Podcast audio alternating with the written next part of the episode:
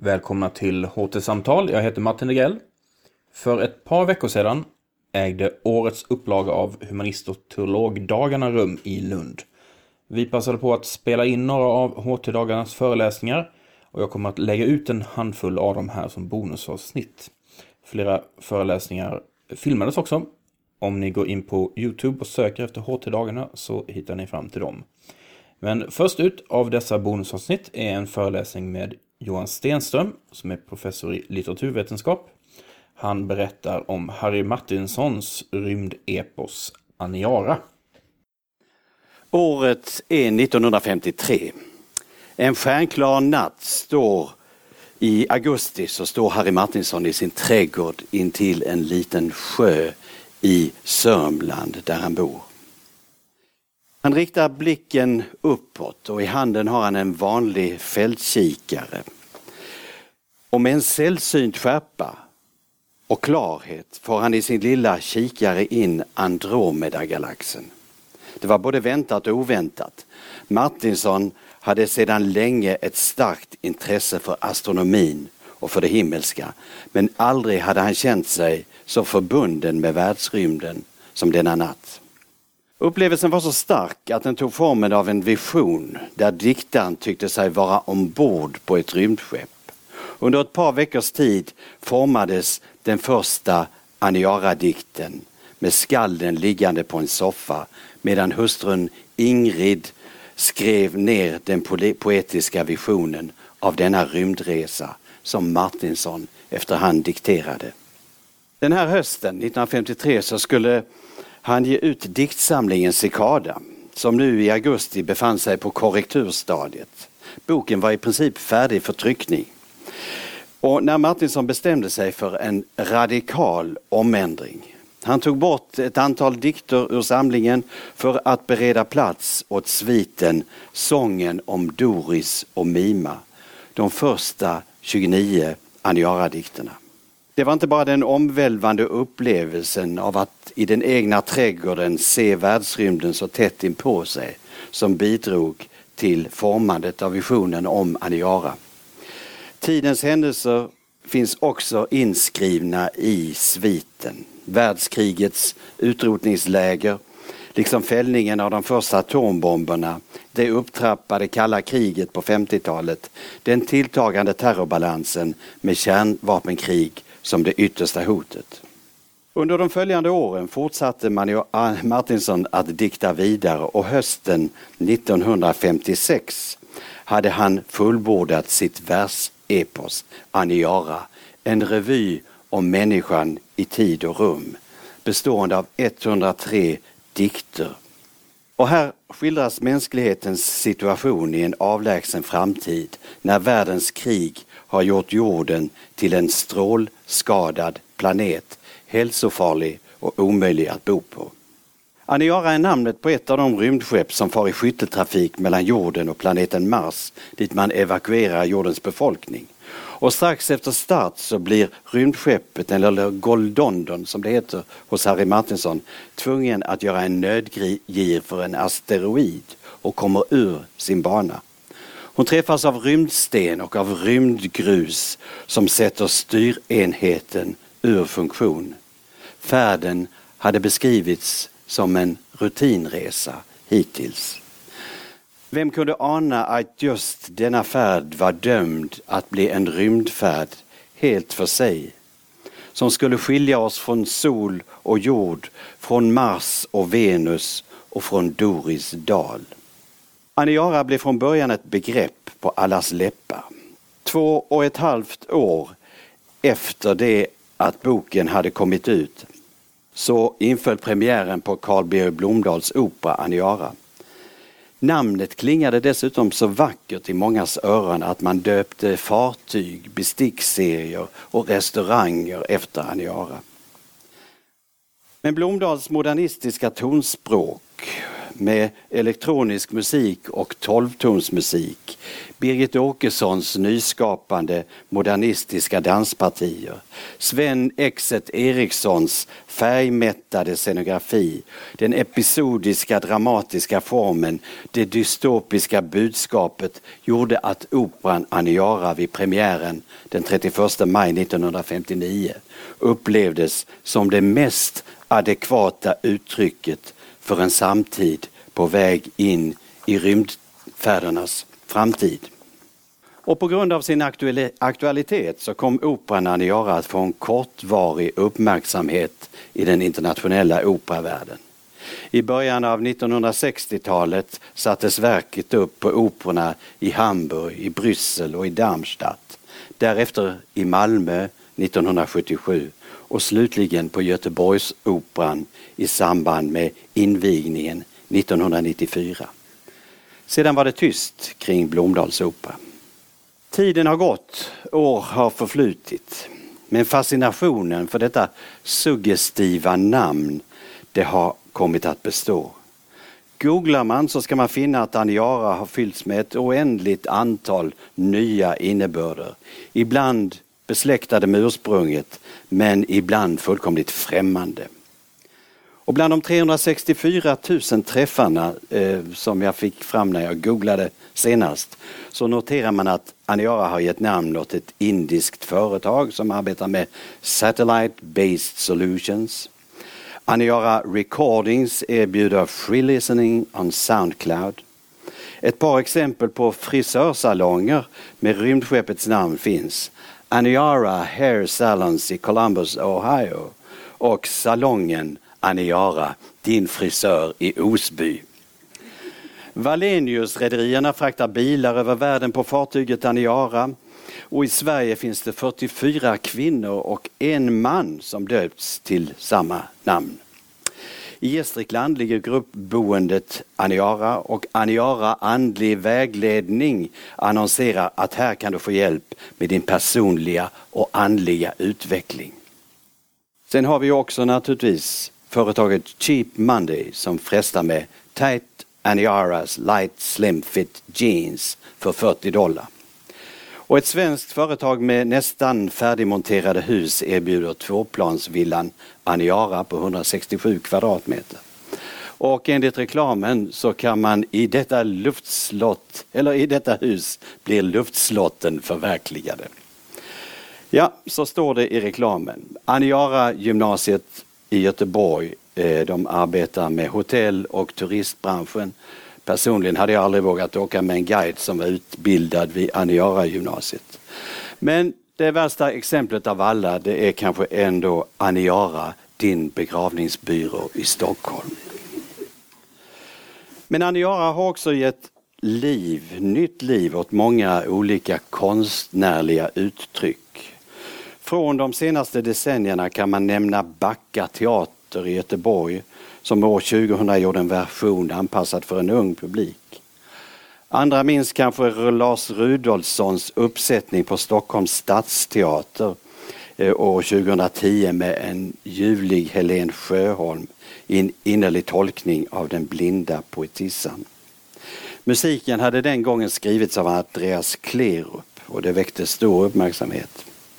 Som serieroman kom Knut La eh, av Knut Larsson så lanserades Aniara 2015 och samma höst gav artisten Nicole Sabonet ut albumet Miman med tydlig hänvisning till Martinsons verk. Sedan 1980-talet så har tiotusentals åskådare dessutom tagit del av Helge Skogs eh, dramatiserade monolog Aniara, ett rymdäventyr. Framförandet sker med atmosfärskapande syntmusik av Gunnar Edander. Och denna 35 minuters version kan beskrivas som enkel, humoristisk och gripande. Aniara är verket som om och om igen låter sig laddas med nya associationer och innebörder. Och 2017 ser ut att bli ett verkligt år för Aniara. Under våren så visar Bonniers konsthall i Stockholm en bild och ljudinstallation som kallas för Lost in Space. Och det är av den skotska konstnären Susan Phillips. Här ser man en ensam violinist framför, så, framför kameran och kameran kretsar runt henne oavlåtligt. Och hon framför första violinstämman i Blomdals version av Aniara. Men tolkningen är fragmentariserad och uppbruten. Under det här året så arbetar två unga filmskapare med Aniara som långfilm för första gången. Inspelningen är redan klar och eh, nu håller på regissörerna Pella Åkerman och Hugo Lilja på att sätta samman helheten. Och denna vår får vi dessutom uppleva Blomdals opera, att den spelas för första gången på 23 år. Det sker på Malmö Opera. Regissör är Stefan Johansson, tidigare dramaturg och regissör vid Kungliga Operan i Stockholm. Och den musikaliska instuderingen svarar Tobias Ringborg för. Aniaras historia är berättad av en författare som såg tecken i tiden. Också sådana som få andra såg. 1956 var miljöförstöring ett okänt begrepp och fenomenet bara uppmärksammat av de sällsynt klarsynta. Martinsson var en av dem. I en intervju så säger han Fototurben som spränger Dorisburg är symbol inte bara för atombomben utan för människans tendens att förstöra jorden på alla sätt. Genom sina föroreningar, genom kemikalieförstöring, kalhyggen, utrotning av växter och djur. Allt som rubbar den naturliga balansen och världsvälståndet. Denna innebördsrika symboltolkning av det egna verket det presenterar han alltså i en intervju året efter att Aniara har getts ut. Och detta är fem år före Rachel Carsons Silent Spring, den bok som la grunden till ett miljömedvetande i vidare och mer allmän mening. Och i poetisk form så kunde Martinsson formulera sin oro över misshushållningen med världens resurser när han låter Aniaras berättare Mimma Roben dra sig till minnes hur han som barn i skolan hade sett naturlig eld som brann i ett stycke trä. Den tändes, minns jag, i ett stycke trä som visades omkring och utspred rök och även någon värme. När alla hade sett hölls träet ner i vatten. Den lilla pittoreska lågan släcktes. Trä var ett sällsynt ämne, hade funnits i förgoldondisk tid men sedan minskat allt mer på grund av strålningskatastrofer. Vi var rätt rörda, minns jag, där vi stod i ring och såg det lilla träd lysa. Men det var länge sedan. Ack, så länge. Av Malmöoperans hemsida så kan man döma, att, att döma av den så kan man förvänta sig att uppsättningen tematiskt kommer att knyta an till nutidens brännande frågor som miljöförstöring och människor på flykt. Båda faktorerna finns inskrivna i Aniara-världen och båda är dagsaktuella. Fällningen av de första atombomberna över två japanska städer i andra världskrigets slutskede är en annan omskakande händelse som tog form i eh, Harry Martinsons världsepos. Sedan också Sovjetunionen hade lärt sig konsten att framställa atombomber in i mitten på 50-talet och sedan terrorbalansen hade tilltagit i världen framstod hotet om ett globalt atomkrig som allt mer reellt. Ett hot som präglade tillvaron och livet ända fram till åren kring 1990 när muren hade fallit och Sovjetimperiet upplösts. 2017 är faran om ett atombombskrig åter aktuell. De nordkoreanska provsprängningarna och robotuppskjutningarna väcker oro i världen. Ombord på Aniara så finns en underbar apparat, Miman. En besjälad maskin som ger människorna lindring genom att hon förmedlar bilder, dofter, minnen långt och fjärran från andra tider och andra rum i ett oändligt kosmos. Hon är passagerarnas enda förbindelse med deras jordiska förflutna. Deras tröst på denna resa utan ankomst. Men Mima har en själ och ett samvete och när hon på sin skärm blir tvungen att visa hur jorden slutligen sprängs sönder i det krig som rasar där så bryter hon samman och dör. På 1950-talet, vad tror ni man jämförde Miman med då? Jo, vid en televisionsapparat. Ack, ack idylliska tid.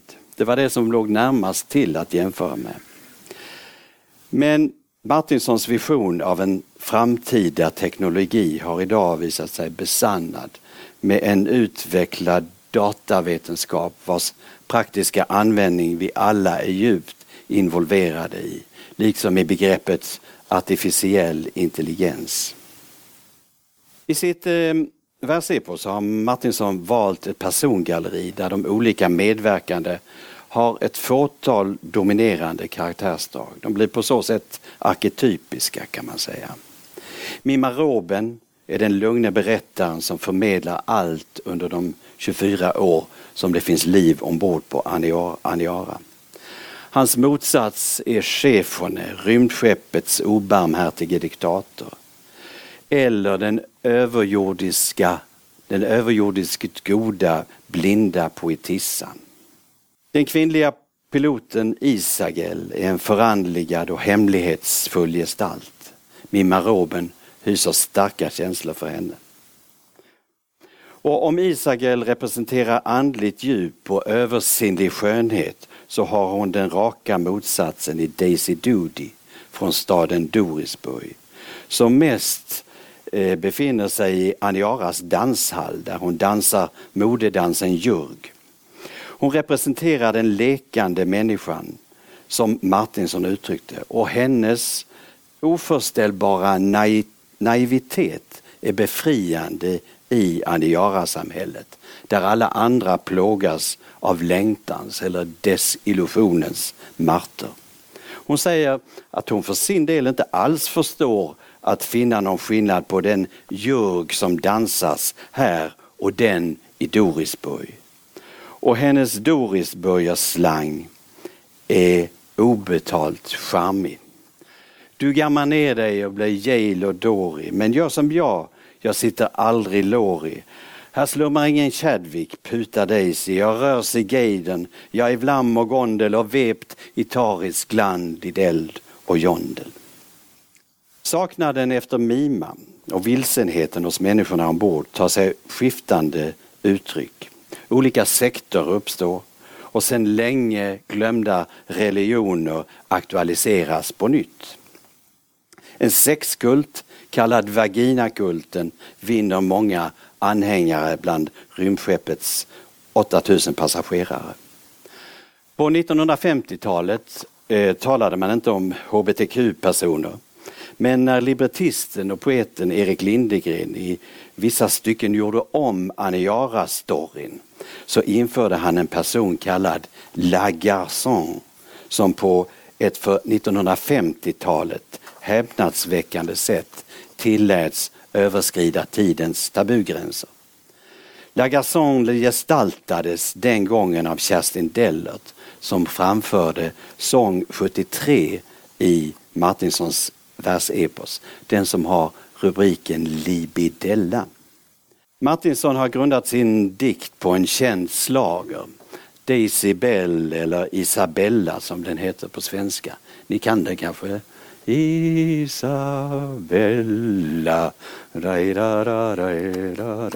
Mycket charmig eh, sång.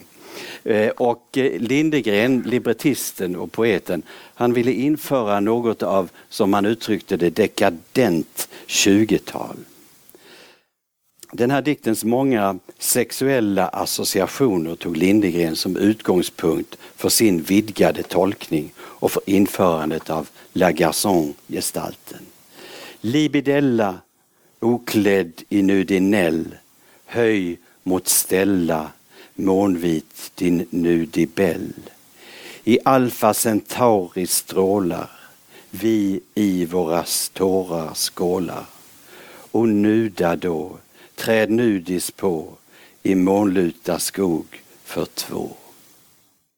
En kortklippt Kerstin Dellert uppträdde i manskläder, i grön frack, allt medan balletten framförde en lasciv dans, som det heter i librettot.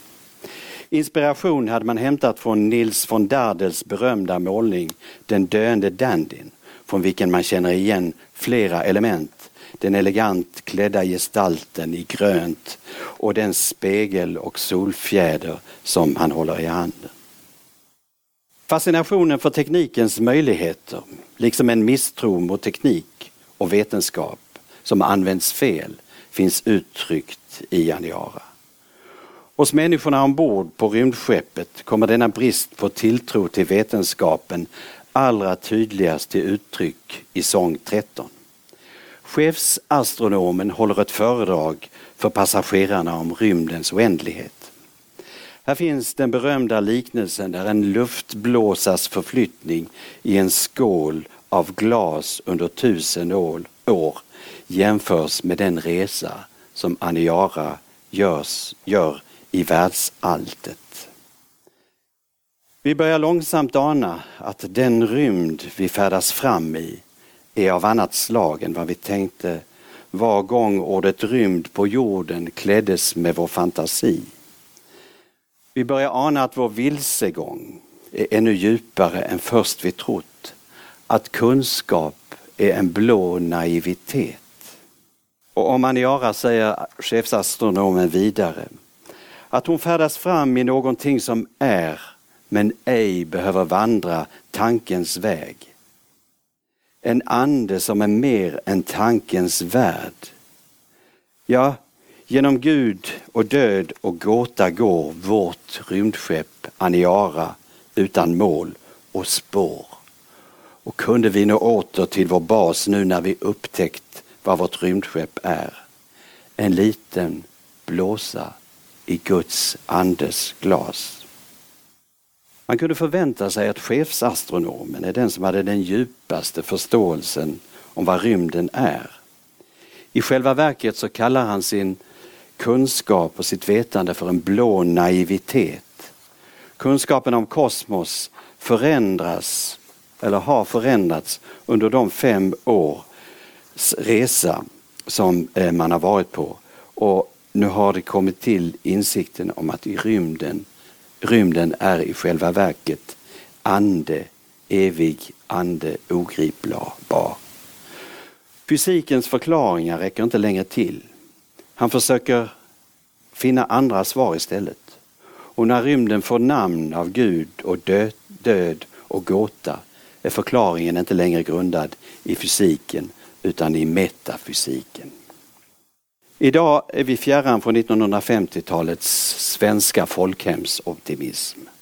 Istället blir vi ideligen påminda om jordens krympande resurser och vår skuld till naturen. Riktigheten i den ekologiska grundsyn som var Martinsons besannas.